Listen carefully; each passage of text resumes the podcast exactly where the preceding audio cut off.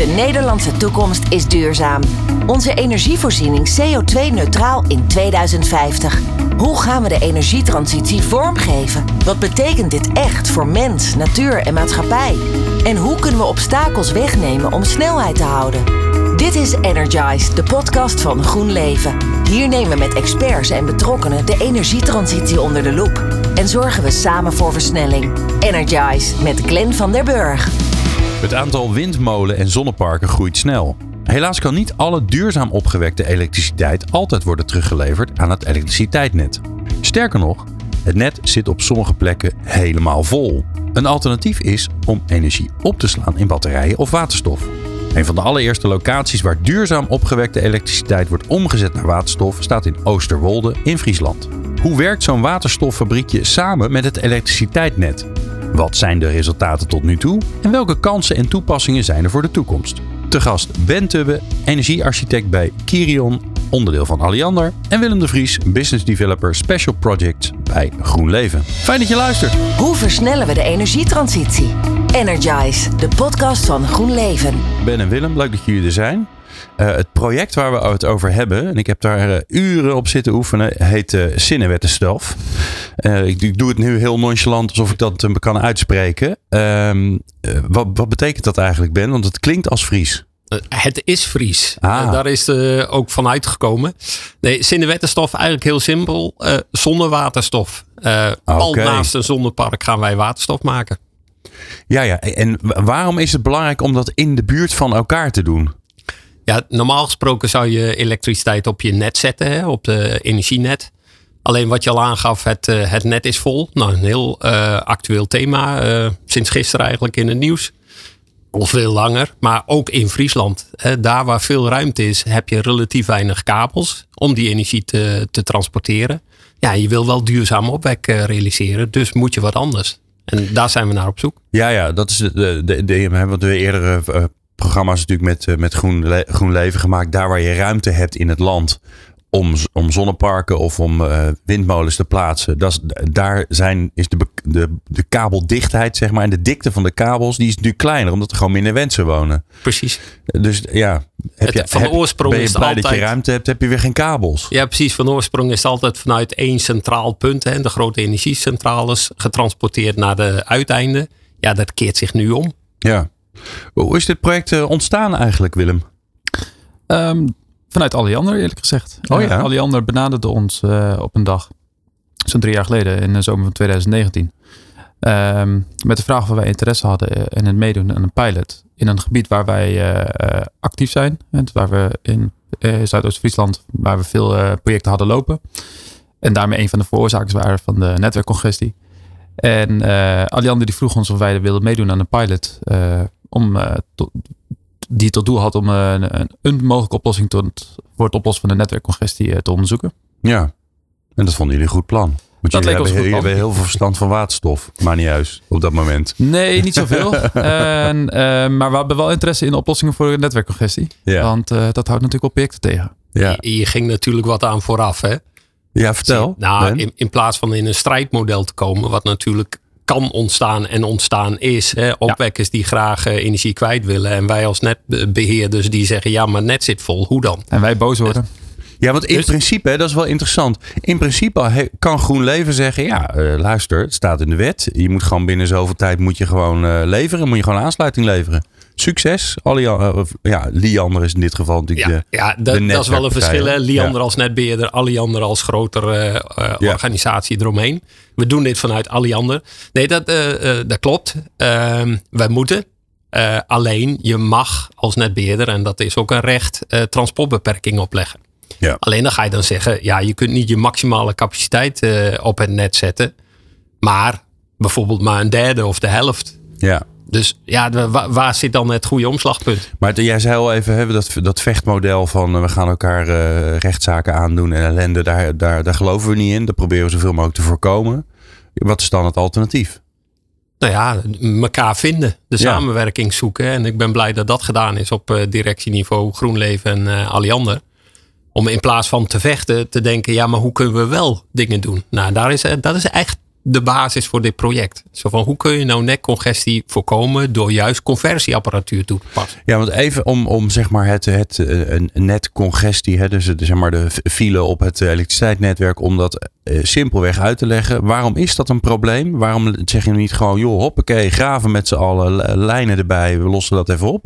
Je kunt meerdere manieren verzinnen. Hè. De standaard manier is verzwaren, wat we dan noemen. Dat is meer kabels, meer leidingen. Alleen materiaalkosten. Dus uh, hoeveel kost dat? Uh, menscapaciteit. Heb je de mensen wel om het überhaupt te doen? en heb je de tijd? Vergeet de tijd ja, niet. Want ja, het is nu. En zeker nu heel erg actueel.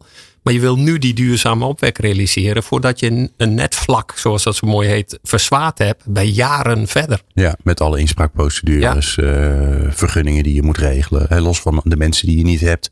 En dat is ook wel interessant, volgens mij hebben jullie vast een keer uitgerekend Stel je voor dat je uh, niks zou doen. Je zou alles op dat netwerk willen kunnen gooien. Wat moet je dan investeren? Nou, dat we, uh, precies zullen we niet weten. Maar dat is echt heel veel geld. Ja, ja. ja da daarom, ja, dat klinkt misschien heel gek hoor. Maar dit is nog steeds uh, onderzoeksgeld. Ondanks dat het miljoenen is.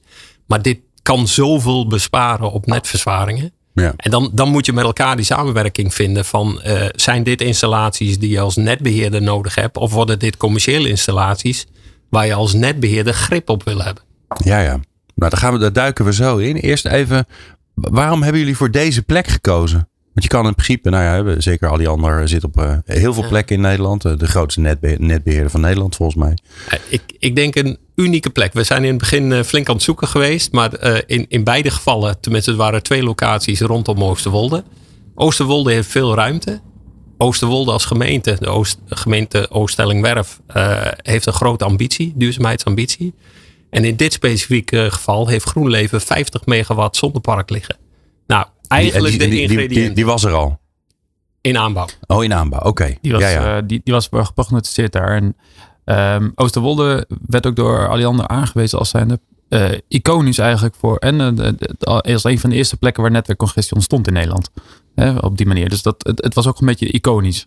Oké, ja, ja. En als je het dan daar kan oplossen, dan heb je natuurlijk gelijk. Uh, dan heb je een puzzelstuk te pakken voor heel Nederland. Maar interessant is wel, je noemt ook die gemeente even. Wat is het belang van die gemeente dan? Welke rol speelt die dan? Ik denk van meet af aan de drijvende kracht van met name de wethouder. Uh, die wil het. En als die wilde niet is, dan, dan ga je op allerlei manieren tegenwerking voelen. Maar die heeft echt het project ondersteund. Die wil graag waterstof in de gemeente hebben, ook om voorop te lopen in, uh, in Friesland. Ja, en dat helpt. Dat helpt, uh, ondanks dat ze niet zelf de vergunning afgeven, maar het helpt wel voor de gemeenteraad. Het helpt voor je ruimtelijke context. Hè. Mag, het, mag het en kan het? Nou, dat, dat, zoiets heb je echt nodig.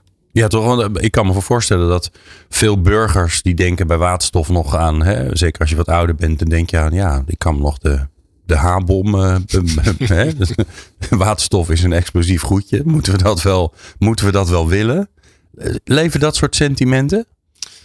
Wij hebben, uh, we hebben een infoavond gehad. En mensen hebben daar al wat vragen over gesteld. Maar meer uit interesse. we hebben daar ook op die infoavond geen echte zorgen gehoord. Nee. Zie, uh, maar dan begeef ik me deels op uh, glad gebied hoor. Ik ben niet een natuurkundige die dat precies weet. Maar het is een heel licht gas. Het is heel vluchtig. Het, het is zo weg. het stijgt op als, hè? Ja, als het één keer ontvlamt, dan kan het goed mis zijn. Maar de, de kans dat het ontvlamt, juist omdat het zo vluchtig is, is heel klein. Ja, Kleiner als aardgas. Nou, dat heb ik me ooit eens uit laten leggen. Dat, dat bij, uh, bij aardgas moet je je zorgen maken in de kelder, want het zakt naar beneden. En, uh, en bij waterstof moet je je op zolder zorgen maken, want het stijgt op. En een huis is nooit kierdicht. Nee, dus praten we over huizen. Ja. Wij staan buiten in de openbare ruimte. Ja, het, ja. Het, het, het, is zo vluchtig, het is zo weg. Het is zo weg, ja. En dan ook niet zo, hè, helemaal niet schadelijk volgens mij, toch? Waterstof kan niet zoveel kwaad. Nee, het is een element wat je ook aantreft. Ja. Oké. Wat wilden jullie bereiken met dit, uh, uh, met dit project? Met zinnenwettenstof, Willem? Um, voor ons was uh, het primaire belang om uh, tweeledig. Eerstens ja, puur demonstratie dat dit kan werken op netwerkcongestiegebieden. Ehm, vanuit theoretisch kun je dat redelijk goed vaststellen. dat, dat, maar je moet het ook zien en mensen moeten het zien. Dus dat is één. De tweede was um, ja, hoe bedrijf je die combinatie tussen een zonnepark en misschien ook een windpark erbij, eh, en eh, een electrolyzer samen. Eh, hoe bedrijf je dat economisch? En dat, daar zijn nog heel veel vragen over. Dat heeft te maken met excitesprijzen, hoe, goed, hoe snel die electrolyzer kan reageren op het profiel van die andere twee. Ehm, en ehm, daarvoor, eh, daarvoor hebben we een paar jaar proef staan. Ja. Ik denk handig om even eh, dat jullie mij gaan uitleggen in niet al te ingewikkelde taal. Hoe het nou eigenlijk in elkaar zit. Hè, Dus wat ik voor me zie is dat dat zonnepark. Dat was al in aanbouw. Dat is mooi. Want dan het scheelt je een hoop gedoe in de tijd volgens mij. Eh, is het een beetje een traditioneel zonnepark? Ja. Gewoon een, een, een, een, voormalig weiland met, eh, met zonnepanelen erin? Ja. Oké, dat snap ik. En het is 50 megawatt. Dus hoeveel zonnepanelen zijn dat dan wel niet? Oef. Ongeveer, precies, ongeveer hè? Ja, ik denk dat dat een 150.000.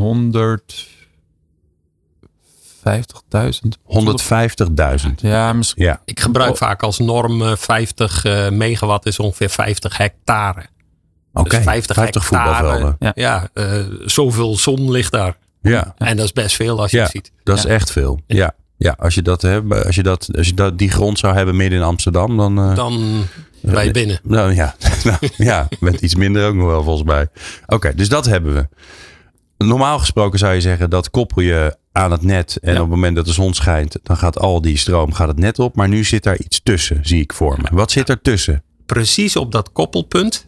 Dus waar je normaal gesproken met, noem het even, één dikke kabel naar buiten gaat en naar eh, het net. Daar prikken wij in met een kabeltje. Hè, want de verhouding is vrij klein hoor. Wij, onze installatie is, ondanks dat het een eh, behoorlijke installatie is, heel klein. Eh, maar wij takken een stukje van die eh, stroom af. En dat stoppen wij in een elektrolyzer. Oké. Heel simpel Oké, gezegd. dus die elektrolyzer kan niet alle zonne-energie aan die van dat veld afkomt. Nee, we, ehm, we hebben in het begin ook overwogen of we nou niet een kleiner zonnepark moesten nemen. Eh, om die verhoudingen realistischer te maken. Want in de toekomst zul je zien dat het waarschijnlijk 1 op 2, 1 op 3 is. De grootte van het zonnepark, de grootte van de electrolyzer. Ehm, maar dan limiteer je ook met wat voor proefmogelijkheden, wat voor experimenten kan, je kan doen. We kunnen met deze setting kunnen we 1 op 2, 1 op 3, 1 op 4, 1 op 5 allemaal uittesten. Want ja, we, we pakken gewoon een groot stukje van het zonnepark. Ja, ja, je kunt een deel van het zonnepark aan of uitzetten. Precies. Ja. En eh, dat had, had je niet gekund als je. Ik, een ik zeg het, ik eh, bennen kijken. Nou. uitzetten, uitzetten. Ja, het nee, leuke is, voor- de zon schijnt en het levert energie. Ja. En, en dat aan- en uitzetten is vooral op een eh, virtuele manier. Dus gericht op gegevens. Ja, Dus ja. We, we pakken de gegevens van een deel van het zonnepark. En daarmee gaan we spelen van hoeveel waterstof ga je daarmee omzetten. Ja. En daarmee ga je wel zien van hoeveel opwek heb je. Hoeveel werkelijke opwek op enig moment. En daar probeer je die verhouding in te vinden inderdaad. Ja. Nou, nou zit die, die electrolyzer. Ik, ik, ik, ik, heb, de- oh, oh, gewoon, ik heb daar YouTube filmpjes over gezien. Eigenlijk is het best wel simpel, behalve als het groot wordt. Eh, je hebt water, daar, dus daar gaat een stroompje doorheen. En eh, daardoor zorg je dat eh, je aan de ene kant eh, zuurstof wordt geproduceerd en aan de andere kant waterstof. Dus je, je splitst gewoon de boel, toch? Niks meer aan toe Dat is het. Nee, eh, we hebben Ingewikkelder is het niet. We hebben echt een ordinaire huisaansluiting voor wat betreft water. Dus het waterbedrijf, gewoon een slangetje. Ja. eh, dat gaat eh, de electrolyzer in. En inderdaad, daar wordt de H2O, water, wordt gesplitst in H2 en O2. ja, dus je produceert ook nog eens een keer zuurstof. Yep. Kan je daar nou wat mee? Daar hebben we lang over nagedacht. Alleen, dan wordt de grens van je project steeds groter. Ja, snap En ik. dat hebben we bewust dus niet gedaan. Om, om niet nog een koppelvlak te hebben eh, en Ja. het nog complexer te maken. Op termijn wellicht. Hè, want er zijn genoeg processen die zuurstof nodig hebben. Ik wou, ja, zoals mensen. Nou ja, maar dan, dan heb je voor medische toepassing. En, en dan wordt het nog eens een stapje erger. Ja, ja. En, en dat voelde heel dubbel hoor. In onze ontwerpfase eh, kwam corona opzetten. Eigenlijk hebben we dit hele project in coronatijd moeten doen.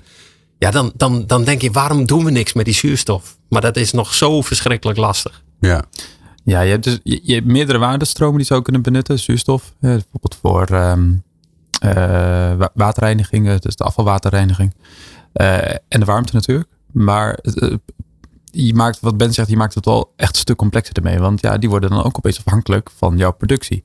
En eh, st- stel je wilde net gaan produceren alleen wanneer de zon schijnt. Maar er is ook iemand afhankelijk van je warmte of van je zuurstof. Dan maakt het het onderzoeksproject heel complex. ja, snap ik. Nou, hoe complex dat onderzoek eigenlijk in elkaar zit en wat uh, dan de resultaten zijn, dat hoor je zo. Zoveel uitdagingen, zo weinig tijd. Hoe doen we dat? Energize. Ben Tubbe van Alliander en Willem de Vries in de studio van GroenLeven. We praten over het uh, prachtige project uh, Zinnenwettenstof. ja, er wordt veel gesproken over waterstof. Maar hier hebben we gewoon een project wat loopt en waar we heel veel van kunnen leren. Dus nou, super interessant. We snappen een beetje hoe het in elkaar zit. Zonnepark, uh, dikke lijn naar het netwerk, uh, klein lijntje naar de, naar, de, naar de electrolyzer. En de grote vraag is natuurlijk nu, wat ga je dan allemaal testen? Want ik kan me voorstellen dat je 5 miljard verschillende dingen kan gaan testen. Dus waar kies je voor, Willem? Um, in, in, in de basis twee dingen, maar daaronder zitten natuurlijk weer een reeks aan, uh, aan sub-onderzoeksvragen weer. Eén is uh, hoe goed kan electrolyzer het productieprofiel van zon of wind volgen. In dit geval specifiek voornamelijk zon. En de tweede is uh, het bedrijven van zo'n machine op een rationele economische manier. Past dat ook heel erg bij, bij het reduceren van het congestieprobleem. En dus stel je gaat je niet helemaal richten op het productieprofiel, maar je gaat je richten op de prijs. de elektriciteitsprijs op het net uh, want dat is natuurlijk uiteindelijk waar die electrolyzer dan het best op vaart. De goedkoopste elektriciteitsprijzen. Help, verhelpt dat het probleem. En dat vermoeden hebben we. We denken ook echt dat op mensen dat de prijzen laag zijn. En dat snapt iedereen wel een beetje. Dat is wanneer de zon schijnt. Ja, ja die combinatie is bijna... Bijna, ja. bijna één op één. Ja. Maar goed, het, het, is wel een terechte vraag. Is dat voldoende één op één? En, en ontlast je daarmee het netwerk ook echt zoals je dan hoopt? Nou, daarvoor willen we gewoon heel veel data vergaren. Ja. Nee, maar ik kan me ook voorstellen dat um, als je zegt, nou ja, uh, we doen het om waterstof te produceren in plaats van om het netwerk te ontlasten. Dat je misschien andere momenten gaat kiezen. Dat je het netwerk dan alleen maar meer belast in plaats van minder. En daar komt hij uh, voor ons uh, om de hoek kijken natuurlijk. Wij willen de hoofdvraag, hoofdonderzoeksvraag blijft. Kan een dergelijke installatie netcongestie ons helpen voorkomen van netcongestie? De, die, die staat bovenaan. Maar daaromheen zitten allerlei vragen uh, rondom uh, thema's als wat als de commerciële partijen dit soort installaties gaan bouwen? Waar moeten wij als netbeheerder ons dan op voorbereiden? Ja. Hoe, wat is het gedrag, het aan-uitzetgedrag? En gaat ons, dat, gaat ons dat helpen of juist tegenwerken? He, want als, we, als we dan nog extra kabels aan moeten leggen, dan helpt het niet. Nee, dan heeft dus, het in die zin geen zin. En, en dat is misschien nog wel een andere hoofdvraag die eigenlijk nooit zo hard op gezegd wordt. Maar hoe zit dat dan in die samenwerking? En wat voor afspraken moeten wij met elkaar maken? En nou, gelukkig uh, vinden Willem en ik uh, elkaar heel goed. En GroenLeven Alliander ondertussen ook wel. Maar hoe werkt dat? En hoe moet je dat formaliseren? Ja, want er zit ook waarschijnlijk een soort beprijzingsvraag achter. Van oké, als het jullie lukt om die netcongestie te voorkomen, dan heeft dat ook een waarde. Ja, maar die is altijd heel lastig. Hè? Want uh, de netbeheerder, hè, die heeft weliswaar geld. Maar geld om het net te onderhouden. Ja. Altijd voor energie te zorgen. Maar hij heeft geen geld zomaar om weg te geven. Ja, want dat is dan geld wat je niet uitgeeft. Dus daar waar het helpt om het net niet te, niet te verzwaren, komt dat eigenlijk de maatschappij ten goede. Ja.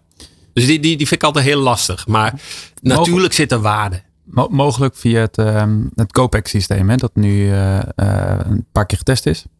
En dat, Wil je even zeggen wat het COPEX-systeem is? Ik weet niet waar de afkorting precies voor staat. Ik weet wel wat het voor bedoeld is. En dat is om uh, netwerkcongestie-problematiek aan te pakken op, op, op hotspots. En uh, dat bijvoorbeeld een zonnepark uh, een bedrag geboden kan worden om bijvoorbeeld een tijd niet te leveren op piekmomenten. Yeah. En uh, dat, is, um, dat zou een systeem zijn waar bijvoorbeeld zo'n equalizer ook een rol in kan spelen. Daar hebben we nu niet een, een, op geënt. maar dat zou zodra dat systeem bijvoorbeeld ook in de, deze regio actief wordt, wel echt op kunnen testen. Ja. En dan ga je heel erg op de flexkant zitten. Hè? Van de, de flexmarkt van aanbod en verbruik van energie. En daar zit ook een waarde in. Ja. Um, nou, ik zie het plaatje in mijn hoofd. Zonnepark, electrolyzer, uh, dikke aansluiting. Um, ja, dan komt nu dus de belangrijkste vraag eigenlijk van uh, dit, deze hele... Wat, heb, waar, waar, wat hebben jullie geleerd, Ben? Oeh, we zijn nog lang niet uh, uitgeleerd. maar we hebben al veel leerervaring opgedaan hoor. Ja. met name ook omdat we al gebruik maken van afstudeerders. En dat klinkt misschien gek hè, alsof die het voor ons leren. Maar die halen heel veel informatie naar boven uit het feit dat je hiermee bezig bent. En een uh, nou, toch wel belangrijk onderzoek is uh, van Tiamar Visserman uh, van de TU Delft. En die heeft voor ons onderzoek gedaan naar wanneer zet je nou eigenlijk zo'n ding aan en uit? Hè? En op welke parameters ga je sturen? Dat is meer een, een economisch model geworden, wat wij ook weer kunnen hergebruiken. Waar toch hele leuke resultaten uit voortkomen van ja, wat, eigenlijk wil je alleen maar in de dipjes van de energieprijs produceren. Want dan is het heel goedkoop en kun je dus goede waterstof maken. Nou, dat is natuurlijk waar GroenLeven uh, ook de, de waarde uit, uh, ja. uit weet te halen. Ja, en ja, en met de, met de vraag die daarachter voor jullie natuurlijk ligt ook. Is dat, oh, zijn dat dezelfde momenten als uh, dat jullie denken, ja, dat ding moet aan, want anders hebben we een probleem, want dan is die kabel niet dik genoeg? Theoretisch gezien wel, want dat zijn de piekmomenten van je productie. En tegenwoordig heb je meer last van productie pieken dan de verbruikpieken. Bijna. Okay, ja. Dat zal, uh, ik, ik zeg het iets te algemeen.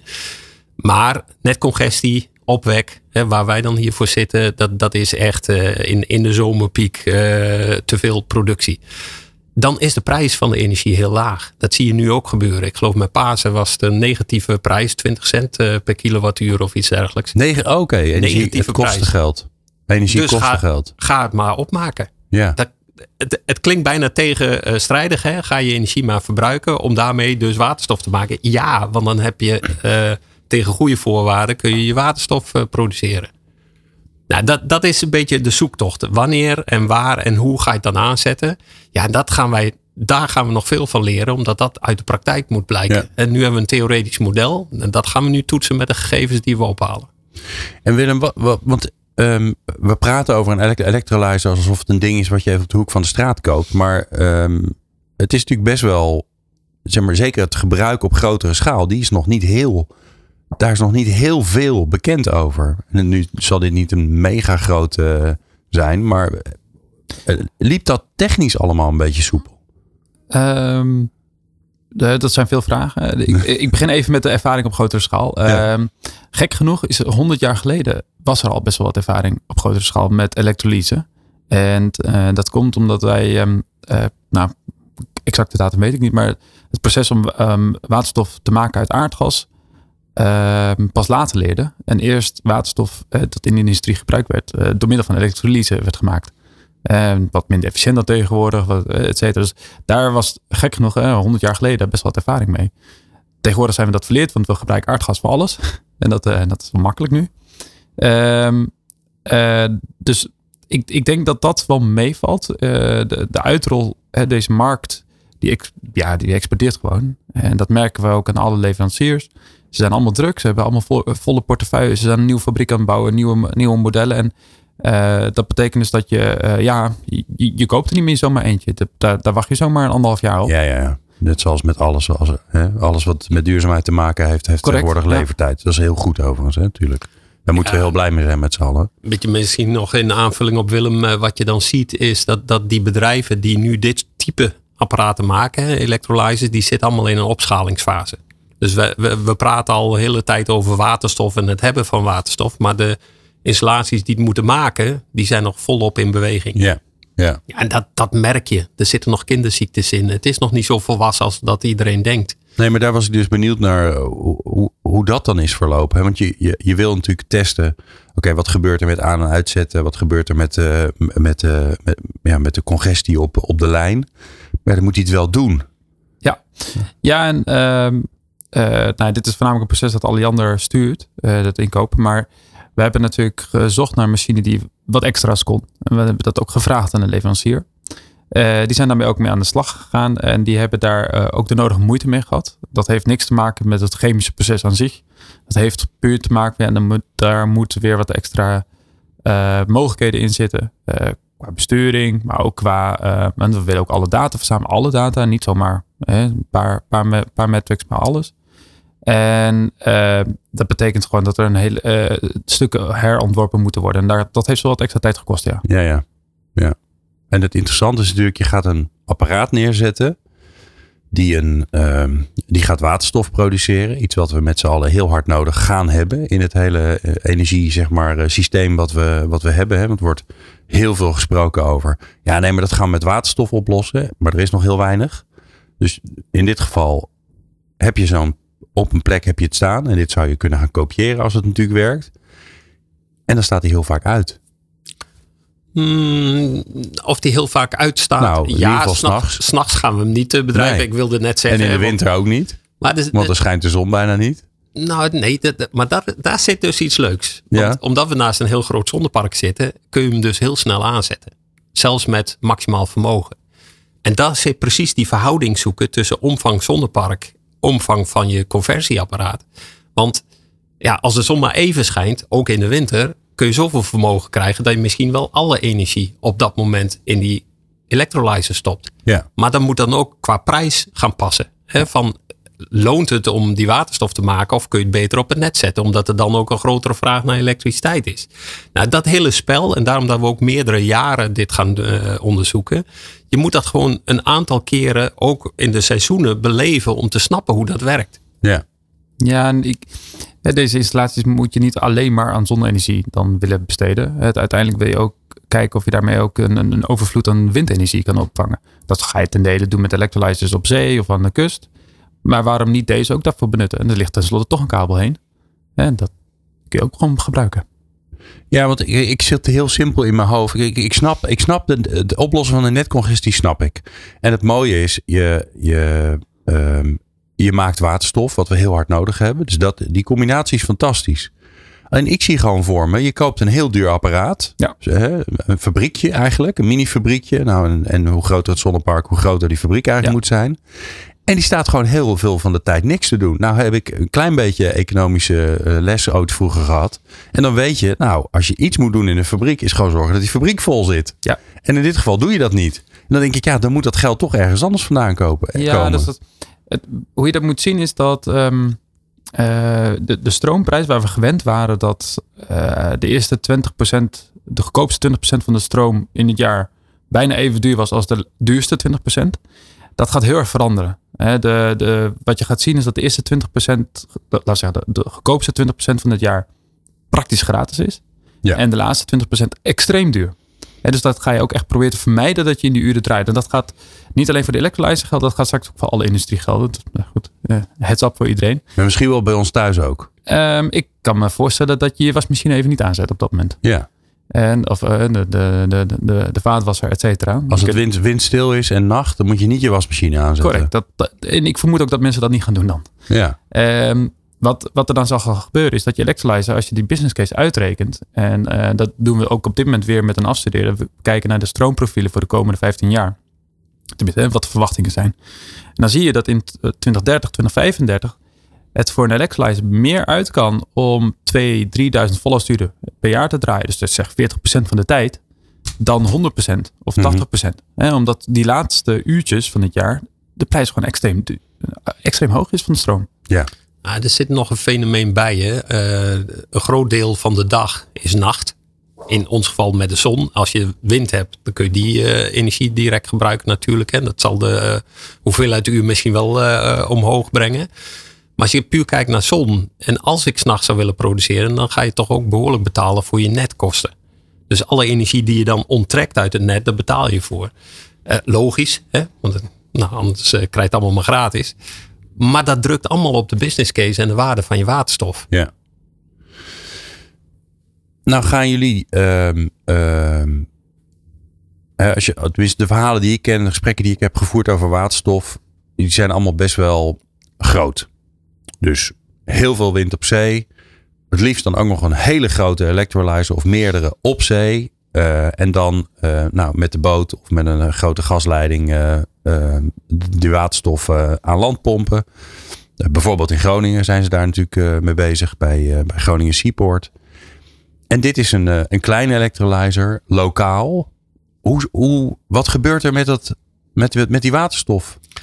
Die gaat niet eh, ver weg eh, Europa in, hoop ik. Nee, voor mij zijn er twee vormen waarin nu gedacht wordt met waterstof. De grote systemen en de backbone van de gasunie, die als een ring door heel Nederland gaat lopen, dat, dat, dat is één verhaallijn. En prima, hè? zeker voor de industrie eh, te voeden. Ik geloof zelf, en mooi in de introductie dat je mij energiearchitect noemt, dat staat inderdaad op mijn eh, businesskaartje. Eh, ik geloof erin dat je lokale eenheden krijgt. En dat je dus lokale energiesystemen krijgt die in balans zijn. Waar precies die grens is, weten we nog niet. Maar zeker in Oosterwolde, waar we zitten, merk je nu al dat er een enorme vraag is naar de waterstof. En wij brengen het nu weg met tube trailers. Maar eigenlijk vanaf dag één was het al, ja, maar jongens, zonde. Want wij willen ook verduurzamen, wij willen ook verder. Dus je gaat toe naar lokale eenheden, is mijn verhaal. Lokale eenheden die je koppelt aan, uh, aan opwekvermogen, die in balans is met je verbruikmomenten, liefst over seizoenen heen. Maar wie, wie is erin geïnteresseerd? Wie wil het lokaal hebben? ambitie ligt uh, bij gemeentes. Ja, in, in, dit geval gewoon. Jullie zijn het aan het doen. Jullie maken waterstof. Ja, de, de lokale partijen zoals um, uh, de woningcoöperatie, okay. die daarin geïnteresseerd is. Maar bijvoorbeeld ook een, een partij die daar een, een transferium wil ontwikkelen met een tankstation. En dat zit een paar honderd meter afstand als dat gerealiseerd wordt. Ja, dat zou natuurlijk perfect zijn als je daar je waterstoftankstation gaat hebben. Om, om daar nog even een economisch uh, aspect aan toe te voegen. Dus uh, je, kunt best beredeneren dat hele grote installaties bij de kust, uh, bij de Eemshaven, dat die efficiënter zullen zijn economisch dan, dan kleinschalige installaties. Dus dat is heel logisch. Waar je mee zit is dus dat je die waterstof vanaf daar ook lokaal moet gaan krijgen. En ehm, dat gaat echt niet vanaf dag één met, de, met buizen. Als het überhaupt op een dag overal komt met buizen. Dus dat, die vraag kun je je nog stellen. Tot die tijd moet je het met tube trailers dus vrachtwagens vervoeren. En dat is een ontzettend dure stap. Oké. je, je voegt op een, op een uh, prijs van nou, zeg 3, 4, 5 euro waterstof, voeg je zomaar 2 euro toe aan, aan transport. Zo dan. Nou, dan eh, als je dat sommetje hoort, dan denk je ook als nou oké, dan kan een minder economisch efficiënte installatie decentraal waarschijnlijk ook wel uit. Hè? En dan zul je zien dat bij veel van dit soort decentrale zonne- of windparken je dan waterstof kan produceren voor afnemers in de buurt. Dus een klein industrieel complex, een tankstation, uh, misschien een kleine woonwijk. Dat soort voorbeelden. Met, met risico dat we een heel ander gesprek hebben hoor. Maar als, als je ziet dat je dus precies zoals in Oosterwolde, dicht bij zo'n opweklocatie zo'n installatie neerzet. En je koppelt daar een energy hub aan. Dat was de term die ik even wilde noemen. Dan kun je daar ook die omzetting naar warmte doen bijvoorbeeld. Dus je kunt dan een gebalanceerd energiesysteem maken voor Oosterwolde. Ja, ja, ja. Oké. Ja, maar dat is dus de grap. Hè? Maar ook gelijk het, want dan denk ik weer ingewikkeld, ingewikkeld. Nog meer partijen. Nog meer mensen die uh, moeten zeggen, ja dat, uh, ja, dat wil ik wel. 80% uh, klopt het. Maar die, in die 20% zit natuurlijk altijd weer probleem. Wij, ja, maar die plek waar jullie willen, daar is net weer een ingewikkeld kikkertje zit er. Dus we moeten net weer een paar honderd meter verder. En, die, en die, die, de, de uitbater van die Energy Hub, die zegt, ja, nee, dat is wel waar. Maar, nou ja, je voelt hem al. Uh, ingewikkelder, ingewikkelder, langer durend, langer durend. Um, ja, nou, of zie je dat ik, anders? Ik, nee, ik zou die trend toch wel uh, willen doorbreken, namelijk door lokaal te organiseren. En uh, dat, dat vergt wat, hè? Je kunt niet zomaar een energiebedrijfje starten, maar je ziet wel steeds meer energy communities ontstaan. Sorry voor de Engelse woorden, maar dat, dat, dat, die terminologie die gaat dan ook rond. Ja. Maar kleine lokale eenheden die het voor zichzelf organiseren. En eigenlijk waren we dat ook vroeger in Nederland. Je had heel veel kleinere netbedrijven. Dat is allemaal samengegaan naar de grotere energiebedrijven zoals we ze kennen. Naar de netbedrijven, nu naar de splitsing.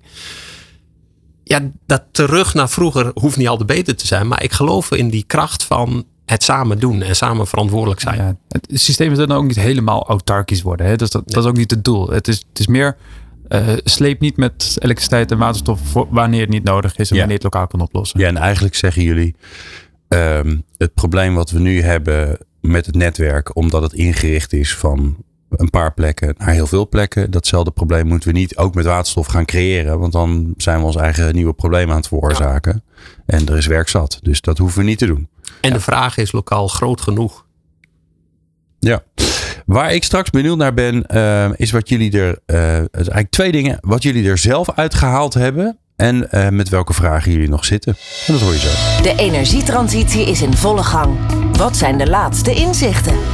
Energize. Ben Tubbe van Aliander en Willem de Vries van uh, GroenLeven in de studio. We praten over uh, ja, het mooie waterstofproject, of waterstofzon naar waterstofproject, wat zij aan het doen zijn, want het is nog niet klaar. En het gaat nooit meer weg als we een beetje, een beetje mazzel hebben. Willem, GroenLeven is een commerciële partij. Ja. Jullie, uh, uh, jullie uh, leggen allemaal mooie zonneparken aan. super belangrijk voor de verduurzaming. Ehm, doen dat in een co coöperatieve manier. Hè, samen met alle partijen zoals Alliander om te kijken hoe je dat met elkaar kan doen. Wat halen jullie nou uit dit project? Want daar gaat een hoop tijd en een hoop energie in zitten. Terwijl je eigenlijk ook zou kunnen zeggen: geef mij gewoon die aansluiting en uh, gedoe allemaal. Dus wat, wat, ja, wat, wat leren jullie in ondernemende zin hiervan? Welke kansen komen eruit voort? Um, het klinkt gek, maar in eerste instantie ook echt gewoon kennis. Uh, we begrijpen nu steeds beter dat ons zonnepark niet gewoon een zonnepark is. Uh, en ook die grote zonnedaken en, en, en, ook de windparken. Um, en we ontwikkelen ook windenergie in Nederland uh, via ons zusterbedrijf. Um, maar het, het, zijn eigenlijk die aansluitpunten, dat zijn beginpunten voor en, energiehubs. En dus dat besef is nu ook bij ons veel beter binnengekomen. Dat, dat is de plek waar je ook een batterij gaat plaatsen. Dat is de plek waar je die waterstofinstallatie gaat plaatsen. Dat is de plek waar je misschien ook andere gebruikers ziet. Je, we zijn heel erg begonnen met, nou, we gaan ergens een zon- of windpark en dan moet een aansluiting. En het nu is het klaar. Uh, en uh, dat, dat, alleen al die kennis is echt ontzettend waardevol. Um, de ervaring in dit project, en ook voor anderen denk ik, leert dat je dit misschien ook gewoon een, een uitbreiding is voor voor je eigen portfolio, je eigen markt. Dat je niet meer alleen een zonnepark gaat bouwen maar in de toekomst, maar een zonnepark plus batterij of zonnepark plus waterstof. Ja, ja dat je eigenlijk veel meer kijkt naar, de, naar hoe, dat, hoe dat park ingebed is in de, in de omgeving, zodat je ook eigenlijk het liefst zorgt dat je, nou ja, dat je de afnemers in de buurt hebt. Uh, of, uh, of dat je er ja, iets met batterijen of met, uh, met waterstof moet doen om te zorgen dat, je, ja, dat het systeem weer klopt eigenlijk. Ja, dus veel minder um, een, een, kaal object in de energietransitie neerzetten, maar een, een, een completer balanceer, gebalanceerder onder de, onderdeel van de energietransitie vormen. Ja, nou, mooi, toch? Ja. Ja, is voor ons heel waardevol. Maar is het dan ook het idee dat jullie daarbij een soort van grote producent van waterstof gaan worden? Nee, dat overwegen we wel, ja. Um, en dat is kijken hoe we dat doen met, met andere partijen in de keten. Um, maar dat, dit, he, dat die energiehubs, ja, nog inderdaad Engels jargon, maar ja. die energiehubs. We zijn het uh, gewend. Dat dat um, iets wordt, uh, dat dat hem wordt zelfs, dat is zeker. En dus wij moeten daar ook uh, van leren en zien hoe we dan uh, onze rol in pakken. Hoe we ervoor zorgen dat de zonneparken en windparken altijd uh, het beginpunt zijn voor een energiehub. En dat faciliteren. Dus die kant gaat zeker op. Ja. Ben, hoe zit het uh, bij jullie? Is dit, is dit het begin van, van een oplossing voor de netcongestie? Want ja, zoals je helemaal aan het begin al zeide, het is nogal actueel. Ja, de luisteraars uh, zien het niet, maar ik schud een beetje met mijn hoofd. Ja, je zit een beetje het, het, twijfelend het, het is, ja, nou, maar dat is het. Hè, dat weten we nog niet precies. Ik denk het type installatie en, en wat je er allemaal voor moet regelen. Uh, de, de afgelopen twee jaar dat we nu hiermee bezig zijn in de opbouw uh, van die installatie, maakt het heel complex. Vanuit mijn persoonlijke mening denk ik dat dit niet systemen zijn van de netbeheerder. Ik denk dat commerciële partijen dit gaan ontwikkelen. Maar het belang voor de netbeheerder is wel heel groot. En wat ik net ook aangaf van we willen dat dan maakt niet... het wel ingewikkeld. Als je een groot belang hebt en je hebt niet de controle, dan noemen we dat een risico volgens mij. Ja, nou en precies daar, hè, van, waar, waar ja, wil je dan zitten? Is het een installatie die de netbeheerder wil en moet hebben om juist lokaal uh, daar grip op te hebben?